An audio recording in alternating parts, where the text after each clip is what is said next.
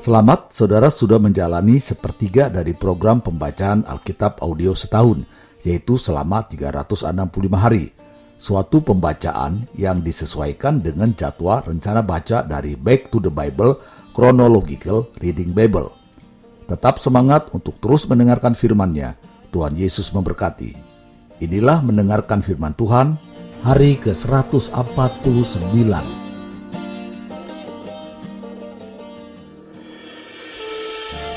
Satu Raja-Raja pasal 1 ayat 1 sampai 27. Hari tua Daud dan soal penggantinya. Raja Daud telah tua dan lanjut umurnya, dan biarpun ia diselimuti, badannya tetap dingin. Lalu para pegawainya berkata kepadanya, "Hendaklah dicari bagi tuanku raja seorang perawan yang muda untuk melayani dan merawat raja. Biarlah ia berbaring di pangkuanmu." Sehingga badan tuanku raja menjadi panas. Maka di seluruh daerah Israel dicarilah seorang gadis yang cantik, dan didapatlah Abisak, gadis Sunem, lalu dibawa kepada raja. Gadis itu amat cantik, dan ia menjadi perawat raja dan melayani dia, tetapi raja tidak bersetubuh dengan dia.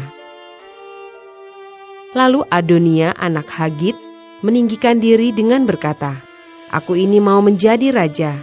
Ia melengkapi dirinya dengan kereta-kereta dan orang-orang berkuda serta 50 orang yang berlari di depannya. Selama hidup Adonia, ayahnya belum pernah menegur dia dengan ucapan, "Mengapa engkau berbuat begitu?" Ia pun sangat elok perawakannya, dan ia adalah anak pertama sesudah Absalom. Maka berundinglah ia dengan Yoab, anak Zeruya, dan dengan Imam Abiatar, dan mereka menjadi pengikut dan pembantu Adonia. Tetapi Imam Zadok dan Benaya bin Yoyada dan Nabi Nathan dan Simei dan Rei dan para pahlawan Daud tidak memihak kepada Adonia. Sesudah itu Adonia mempersembahkan domba, lembu, dan ternak gemukan sebagai korban dekat batu Sohelet yang ada di samping Enrogel.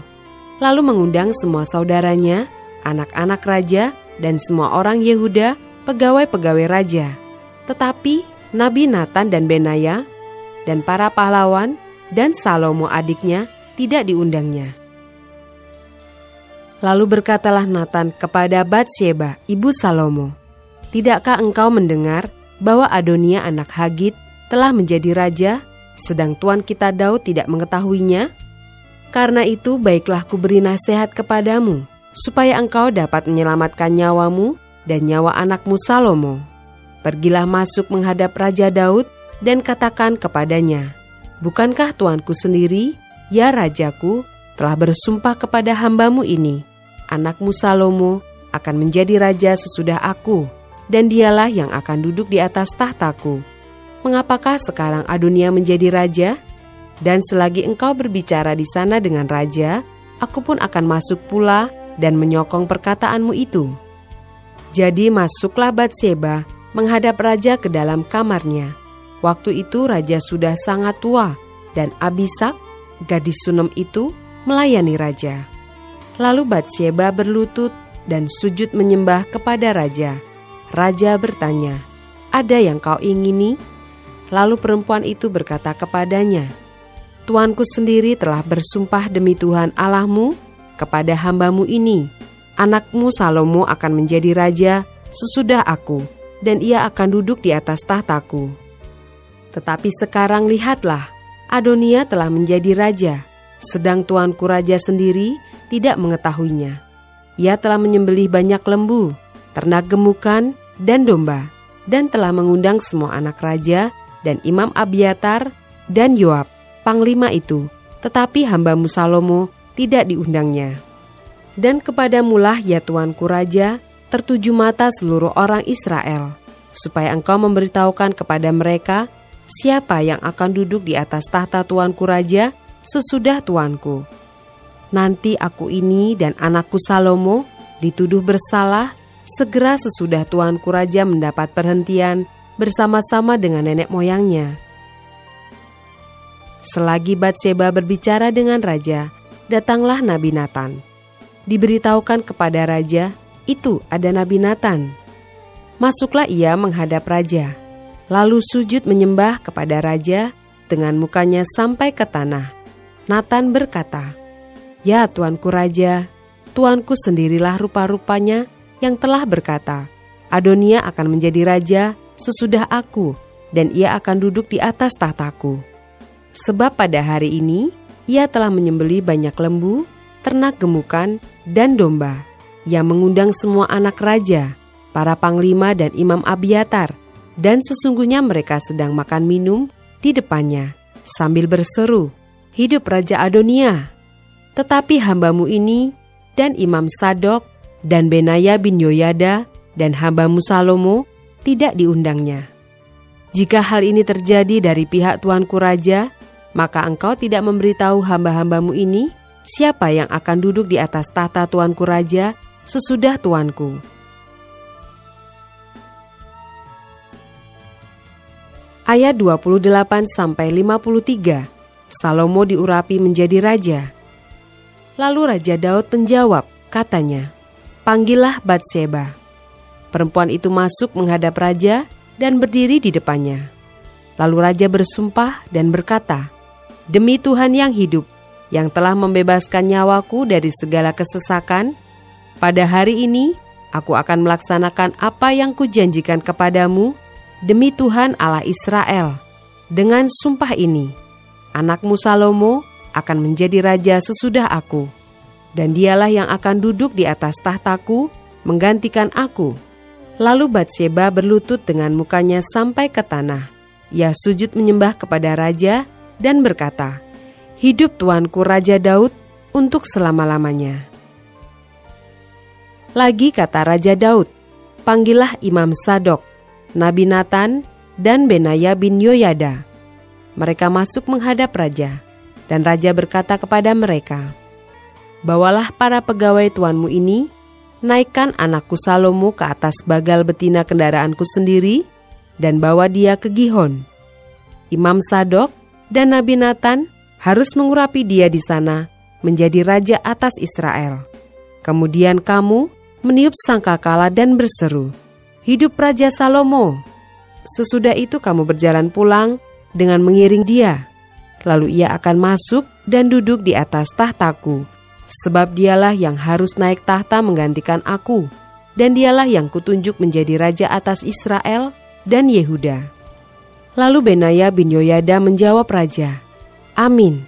Demikianlah kiranya firman Tuhan, Allah Tuanku Raja. Seperti Tuhan menyertai Tuanku Raja, Demikianlah kiranya ia menyertai Salomo. Semoga ia membuat tahta Salomo lebih agung dari tahta tuanku Raja Daud. Lalu pergilah Imam Sadok, Nabi Nathan, dan Benaya bin Yoyada dengan orang Kreti dan orang Pleti. Mereka menaikkan Salomo ke atas bagal betina Raja Daud dan membawanya ke Gihon.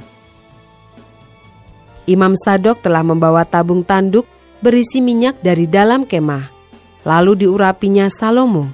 Kemudian sangkakala ditiup, dan seluruh rakyat berseru, Hidup Raja Salomo! Sesudah itu seluruh rakyat berjalan di belakangnya, sambil membunyikan suling dan sambil bersukaria ramai-ramai, sampai seakan-akan bumi terbelah oleh suara mereka. Hal itu kedengaran kepada Adonia dan kepada semua undangan yang bersama-sama dengan dia, ketika mereka baru habis makan. Ketika Yoab mendengar bunyi sangkakala itu, ia berkata, "Apakah sebabnya kota begitu ribut?" Selagi ia berbicara, datanglah Yonatan anak Imam Abiatar. Lalu Adonia berkata, "Masuklah, sebab engkau seorang kesatria, dan tentulah engkau membawa kabar baik." Tetapi Yonatan menjawab Adonia, "Tidak, Tuan kita Raja Daud telah mengangkat Salomo menjadi raja. Raja telah menyuruh supaya Imam Zadok dan Nabi Nathan dan Benaya bin Yoyada dengan orang Kreti dan orang Pleti menyertai Salomo dan mereka menaikkan dia ke atas bagal betina raja. Imam Sadok dan Nabi Nathan mengurapi dia di Gihon menjadi raja. Dan dari sana mereka sudah pulang dengan bersukaria, sehingga kota menjadi ribut. Itulah bunyi yang kamu dengar tadi. Salomo sekarang duduk di atas tahta kerajaan. Juga pegawai-pegawai raja telah datang mengucap selamat kepada Tuan kita Raja Daud dengan berkata, Kiranya Allahmu membuat nama Salomo lebih masyur daripada namamu, dan tahtanya lebih agung daripada tahtamu. Dan raja pun telah sujud menyembah di atas tempat tidurnya.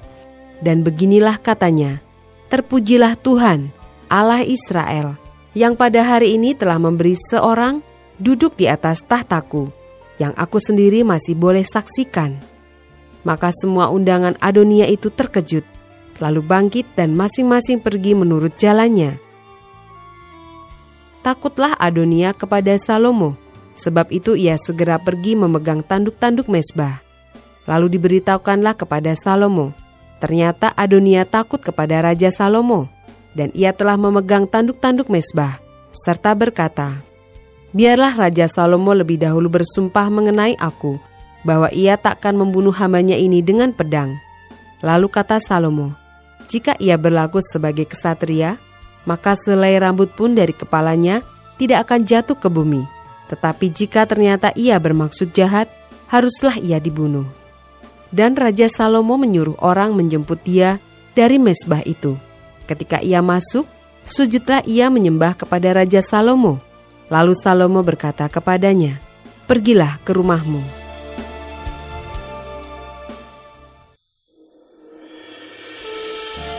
Satu Raja-Raja 2 ayat 1 sampai 12. Pesan Daud yang terakhir sebelum meninggal. Ketika saat kematian Daud mendekat, ia berpesan kepada Salomo anaknya, Aku ini akan menempuh jalan segala yang fana. Maka kuatkanlah hatimu dan berlakulah seperti laki-laki. Lakukanlah kewajibanmu dengan setia terhadap Tuhan Allahmu, dengan hidup menurut jalan yang ditunjukkannya, dan dengan tetap mengikuti segala ketetapan, perintah, peraturan, dan ketentuannya, seperti yang tertulis dalam hukum Musa, supaya engkau beruntung dalam segala yang kau lakukan dan dalam segala yang kau tuju, dan supaya Tuhan menepati janji yang diucapkannya tentang aku, yakni jika anak-anakmu laki-laki tetap hidup di hadapanku dengan setia, dengan segenap hati, dan dengan segenap jiwa, maka keturunanmu takkan terputus dari tahta kerajaan Israel.' Dan lagi engkau pun mengetahui apa yang dilakukan kepadaku oleh Yoab, anak Seruya, apa yang dilakukannya kepada kedua panglima Israel, yakni Abner bin Ner dan Amasa bin Yeter. Ia membunuh mereka dan menumpahkan darah dalam zaman damai seakan-akan ada perang, sehingga sabuk pinggangnya dan kasut kakinya berlumuran darah. Maka bertindaklah dengan bijaksana, dan janganlah biarkan yang ubanan itu turun dengan selamat ke dalam dunia orang mati. Tetapi kepada anak-anak Barsilai orang Gilead itu, haruslah kau tunjukkan kemurahan hati. Biarlah mereka termasuk golongan yang mendapat makanan dari mejamu, sebab mereka pun menunjukkan kesetiaannya dengan menyambut aku pada waktu aku melarikan diri dari depan kakakmu Absalom.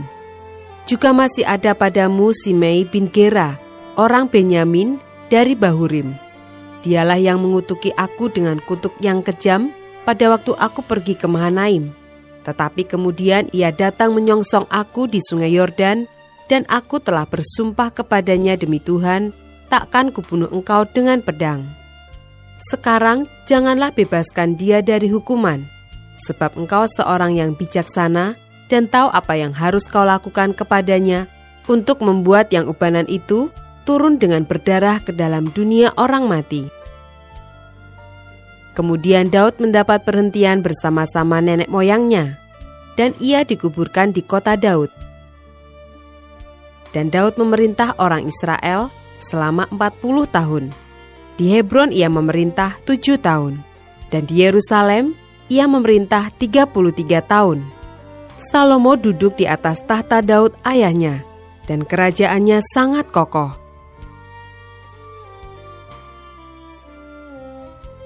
Ayat 13 sampai 46. Tindakan-tindakan Salomo untuk mengokohkan tahtanya. Pada suatu hari, Adonia anak Hagit masuk menghadap Batseba ibu Salomo. Lalu perempuan itu berkata, "Apakah engkau datang dengan maksud damai?" Jawabnya, "Ya, damai." Kemudian katanya, "Ada sesuatu yang hendak kukatakan kepadamu." Jawab perempuan itu, "Katakanlah." Lalu katanya, "Engkau sendiri tahu bahwa akulah yang berhak atas kedudukan raja, dan bahwa seluruh Israel mengharapkan supaya aku menjadi raja. Tetapi sebaliknya, kedudukan raja jatuh kepada adikku, sebab dari Tuhanlah ia mendapatnya. Dan sekarang, satu permintaan saja kusampaikan kepadamu, janganlah tolak permintaanku. Jawab perempuan itu kepadanya, katakanlah. Maka katanya, bicarakanlah kiranya dengan Raja Salomo, sebab ia tidak akan menolak permintaanmu, supaya Abisak, gadis Sunem itu, diberikannya kepadaku menjadi istriku. Jawab Batseba, Baik, aku akan membicarakan hal itu untuk engkau dengan Raja. Batseba masuk menghadap Raja Salomo untuk membicarakan hal itu untuk Adonia. Lalu bangkitlah Raja mendapatkannya serta tunduk menyembah kepadanya. Kemudian duduklah ia di atas tahtanya, dan ia menyuruh meletakkan kursi untuk bunda raja. Lalu perempuan itu duduk di sebelah kanannya. Berkatalah perempuan itu, "Suatu permintaan kecil saja yang kusampaikan kepadamu. Janganlah tolak permintaanku." Jawab raja kepadanya, "Mintalah ya ibu, sebab aku tidak akan menolak permintaanmu." Kata perempuan itu, biarlah Abisak, gadis Sunem itu, diberikan kepada kakakmu Adonia menjadi istrinya. Tetapi Raja Salomo menjawab ibunya, Mengapa engkau meminta hanya Abisak, gadis Sunem itu untuk Adonia? Minta jugalah untuknya kedudukan raja.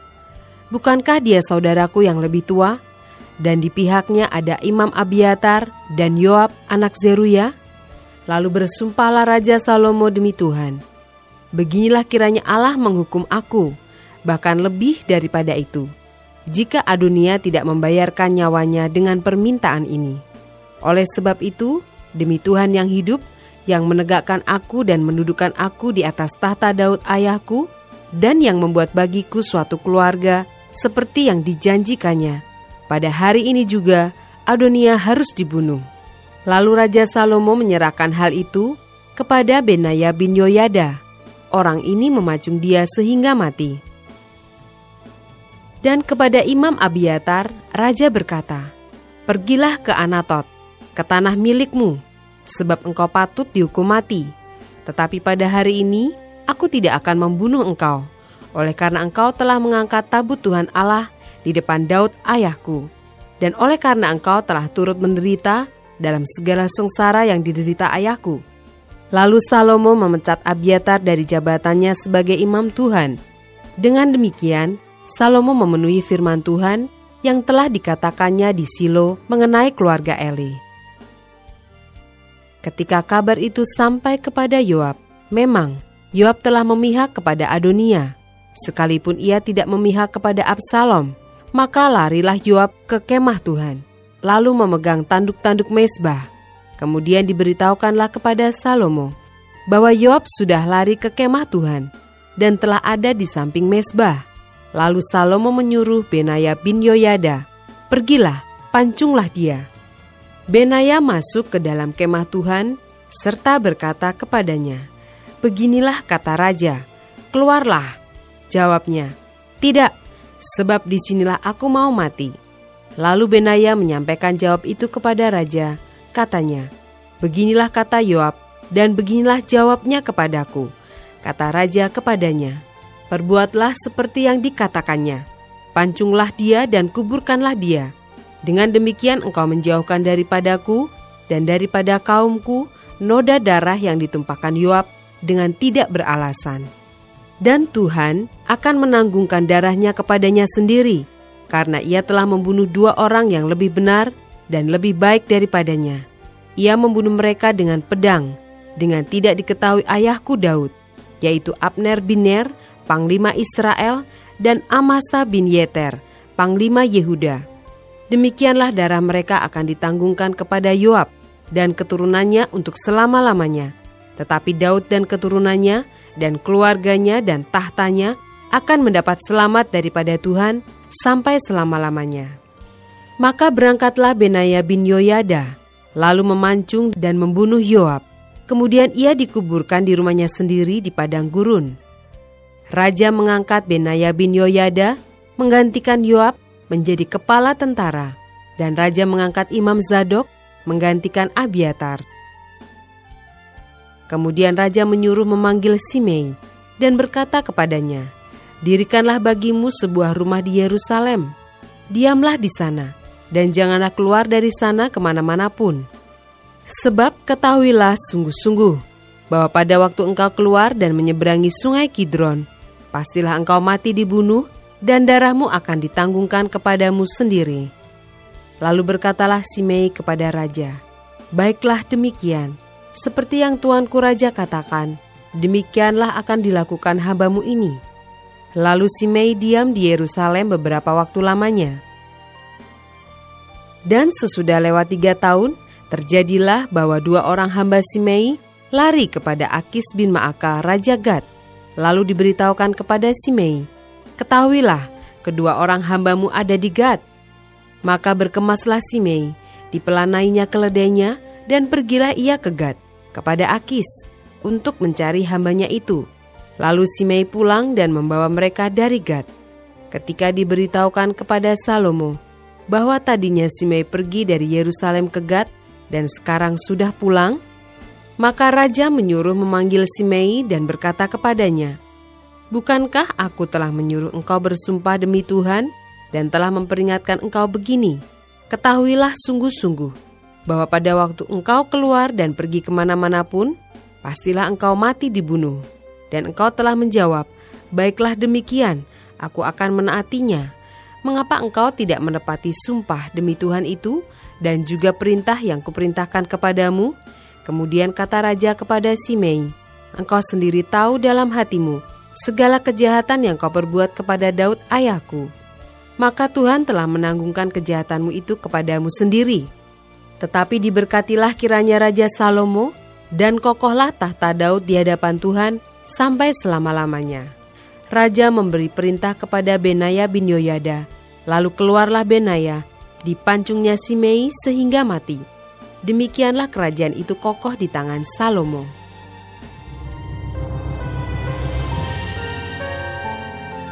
Mazmur pasal 37 ayat 1 sampai 40. Kebahagiaan orang fasik semu. Dari Daud. Jangan marah karena orang yang berbuat jahat Jangan iri hati kepada orang yang berbuat curang, sebab mereka segera lisut seperti rumput dan layu seperti tumbuh-tumbuhan hijau. Percayalah kepada Tuhan dan lakukanlah yang baik. Diamlah di negeri dan berlakulah setia, dan bergembiralah karena Tuhan, maka Ia akan memberikan kepadamu apa yang diinginkan hatimu. Serahkanlah hidupmu kepada Tuhan dan percayalah kepadanya dan ia akan bertindak. Ia akan memunculkan kebenaranmu seperti terang dan hakmu seperti siang. Berdiam dirilah di hadapan Tuhan dan nantikanlah Dia. Jangan marah karena orang yang berhasil dalam hidupnya, karena orang yang melakukan tipu daya. Berhentilah marah dan tinggalkanlah panas hati itu. Jangan marah, itu hanya membawa kepada kejahatan sebab orang-orang yang berbuat jahat akan dilenyapkan, tetapi orang-orang yang menanti-nantikan Tuhan akan mewarisi negeri. Karena sedikit waktu lagi, maka lenyaplah orang fasik. Jika engkau memperhatikan tempatnya, maka ia sudah tidak ada lagi. Tetapi orang-orang yang rendah hati akan mewarisi negeri dan bergembira karena kesejahteraan yang berlimpah-limpah Orang fasik merencanakan kejahatan terhadap orang benar dan menggertakkan giginya terhadap dia. Tuhan menertawakan orang fasik itu sebab ia melihat bahwa harinya sudah dekat. Orang-orang fasik menghunus pedang dan melentur busur mereka untuk merobohkan orang-orang sengsara dan orang-orang miskin, untuk membunuh orang-orang yang hidup jujur.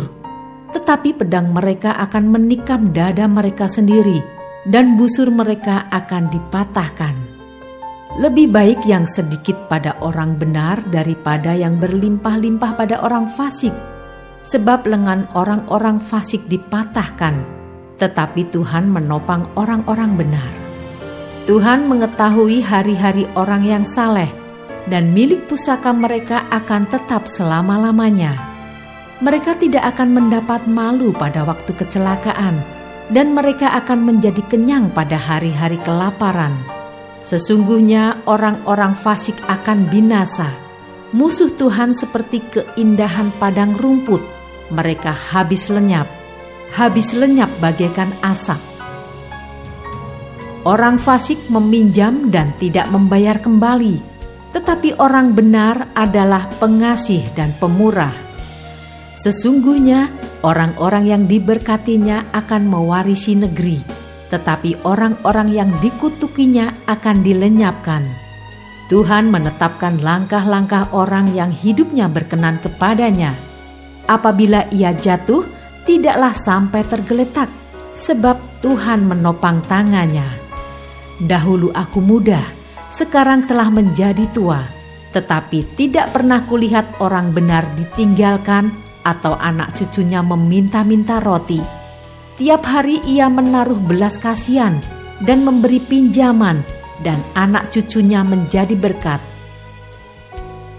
Jauhilah yang jahat dan lakukanlah yang baik, maka engkau akan tetap tinggal untuk selama-lamanya.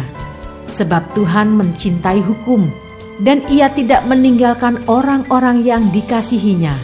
Sampai selama-lamanya mereka akan terpelihara tetapi anak cucu orang-orang fasik akan dilenyapkan. Orang-orang benar akan mewarisi negeri dan tinggal di sana senantiasa. Mulut orang benar mengucapkan hikmat dan lidahnya mengatakan hukum. Taurat Allahnya ada di dalam hatinya. Langkah-langkahnya tidak goyah. Orang fasik mengintai orang benar dan berikhtiar membunuhnya Tuhan tidak menyerahkan orang benar itu ke dalam tangannya. Ia tidak membiarkannya dinyatakan fasik pada waktu diadili. Nantikanlah Tuhan dan tetap ikutilah jalannya, maka ia akan mengangkat engkau untuk mewarisi negeri, dan engkau akan melihat orang-orang fasik dilenyapkan. Aku melihat seorang fasik yang gagah sombong, yang tumbuh mekar seperti pohon aras Libanon. Ketika aku lewat, lenyaplah ia. Aku mencarinya, tetapi tidak ditemui. Perhatikanlah orang yang tulus dan lihatlah kepada orang yang jujur, sebab pada orang yang suka damai akan ada masa depan. Tetapi pendurhaka-pendurhaka akan dibinasakan bersama-sama dan masa depan orang-orang fasik akan dilenyapkan. Orang-orang benar diselamatkan oleh Tuhan. Ia adalah tempat perlindungan mereka pada waktu kesesakan. Tuhan menolong mereka dan meluputkan mereka. Ia meluputkan mereka dari tangan orang-orang fasik dan menyelamatkan mereka sebab mereka berlindung padanya. Mazmur pasal 71 ayat 1 sampai 24. Doa minta perlindungan di masa tua. Padamu ya Tuhan aku berlindung, janganlah sekali-kali aku mendapat malu. Lepaskanlah aku dan luputkanlah aku oleh karena keadilanmu. Sendengkanlah telingamu kepadaku dan selamatkanlah aku. Jadilah bagiku gunung batu tempat berteduh kubu pertahanan untuk menyelamatkan aku, sebab engkaulah bukit batuku dan pertahananku. Ya Allahku, luputkanlah aku dari tangan orang fasik, dari cengkeraman orang-orang lalim dan kejam. Sebab engkaulah harapanku ya Tuhan, kepercayaanku sejak masa muda. Ya Allah, kepadamulah aku bertopang mulai dari kandungan. Engkau telah mengeluarkan aku dari perut ibuku Engkau yang selalu kupuji-puji. Bagi banyak orang aku seperti tanda ajaib, karena engkaulah tempat perlindunganku yang kuat. Mulutku penuh dengan puji-pujian kepadamu, dengan penghormatan kepadamu sepanjang hari. Janganlah membuang aku pada masa tuaku. Janganlah meninggalkan aku apabila kekuatanku habis. Sebab musuh-musuhku berkata-kata tentang aku. Orang-orang yang mengincar nyawaku berunding bersama-sama dan berkata, Allah telah meninggalkan dia. Kejar dan tangkaplah dia, sebab tidak ada yang melepaskan dia. Ya Allah, janganlah jauh daripadaku. Allahku, segeralah menolong aku. Biarlah mendapat malu dan menjadi habis orang-orang yang memusuhi jiwaku. Biarlah berselubungkan celah dan noda orang-orang yang mengikhtiarkan celakaku. Tetapi aku senantiasa mau berharap dan menambah puji-pujian kepadamu. Mulutku akan menceritakan keadilanmu dan keselamatan yang daripadamu sepanjang hari sebab aku tidak dapat menghitungnya. Aku datang dengan keperkasaan-keperkasaan Tuhan Allah, hendak memasyurkan hanya keadilanmu saja. Ya Allah, Engkau telah mengajar aku sejak kecilku, dan sampai sekarang aku memberitakan perbuatanmu yang ajaib, juga sampai masa tuaku dan putih rambutku. Ya Allah, janganlah meninggalkan aku, supaya aku memberitakan kuasamu kepada angkatan ini, keperkasaanmu kepada semua orang yang akan datang. Keadilanmu ya Allah sampai ke langit. Engkau yang telah melakukan hal-hal yang besar. Ya Allah siapakah seperti engkau? Engkau telah membuat aku mengalami banyak kesusahan dan malapetaka. Engkau akan menghidupkan aku kembali. Dan dari samudra raya bumi engkau akan menaikkan aku kembali. Engkau akan menambah kebesaranku dan akan berpaling menghibur aku. Aku pun mau menyanyikan syukur bagimu dengan gambus atas kesetiaanmu ya Allahku, menyanyikan mazmur bagimu dengan kecapi, ya yang kudus Israel. Bibirku bersorak-sorai sementara menyanyikan mazmur bagimu, juga jiwaku yang telah kau bebaskan. Lidahku juga menyebut-nyebut keadilanmu sepanjang hari, sebab akan mendapat malu dan tersipu-sipu orang-orang yang mengikhtiarkan celakaku. Mazmur pasal 94 ayat 1 sampai 23. Allah pembela keadilan. Ya Allah pembalas, ya Tuhan, ya Allah pembalas, tampillah, bangunlah ya hakim bumi, balaslah kepada orang-orang congkak apa yang mereka lakukan Berapa lama lagi orang-orang fasik ya Tuhan? Berapa lama lagi orang-orang fasik beria-ria? Mereka memuntahkan kata-kata yang kurang ajar dan semua orang yang melakukan kejahatan itu menyombong. Umatmu ya Tuhan, mereka remukkan dan milikmu sendiri mereka tindas. Janda dan orang asing mereka sembelih dan anak-anak yatim mereka bunuh. Dan mereka berkata, Tuhan tidak melihatnya dan Allah Yakub tidak mengindahkannya. Perhatikanlah, hei orang-orang bodoh di antara rakyat, hei orang-orang bebal, bilakah kamu memakai akal budimu? Dia yang menanamkan telinga, masakan tidak mendengar? Dia yang membentuk mata, masakan tidak memandang? Dia yang menghajar bangsa-bangsa, masakan tidak akan menghukum? Dia yang mengajarkan pengetahuan kepada manusia, Tuhan mengetahui rancangan-rancangan manusia, sesungguhnya semuanya sia-sia belaka. Berbahagialah orang yang kau hajar ya Tuhan, dan yang kau ajari dari Tauratmu, untuk menenangkan dia terhadap hari-hari malapetaka, sampai digali lubang untuk orang fasik. Sebab Tuhan tidak akan membuang umatnya, dan miliknya sendiri tidak akan ditinggalkannya sebab hukum akan kembali kepada keadilan dan akan diikuti oleh semua orang yang tulus hati. Siapakah yang bangkit bagiku melawan orang-orang jahat? Siapakah yang tampil bagiku melawan orang-orang yang melakukan kejahatan? Jika bukan Tuhan yang menolong aku, nyaris aku diam di tempat sunyi. Ketika aku berpikir, kakiku goyang, maka kasih setiamu ya Tuhan menyokong aku. Apabila bertambah banyak pikiran dalam batinku, penghiburanmu menyenangkan jiwaku. Masakan bersekutu dengan engkau tahta kebusukan yang merancangkan bencana berdasarkan ketetapan. Mereka bersekongkol melawan jiwa orang benar dan menyatakan fasik darah orang yang tidak bersalah. Tetapi Tuhan adalah kota bentengku dan Allahku adalah gunung batu perlindunganku. Ia akan membalas kepada mereka perbuatan jahat mereka dan karena kejahatan mereka ia akan membinasakan mereka. Tuhan Allah kita akan membinasakan mereka. Tetap semangat, teruskanlah mendengarkan firman Tuhan. Sampai jumpa esok hari.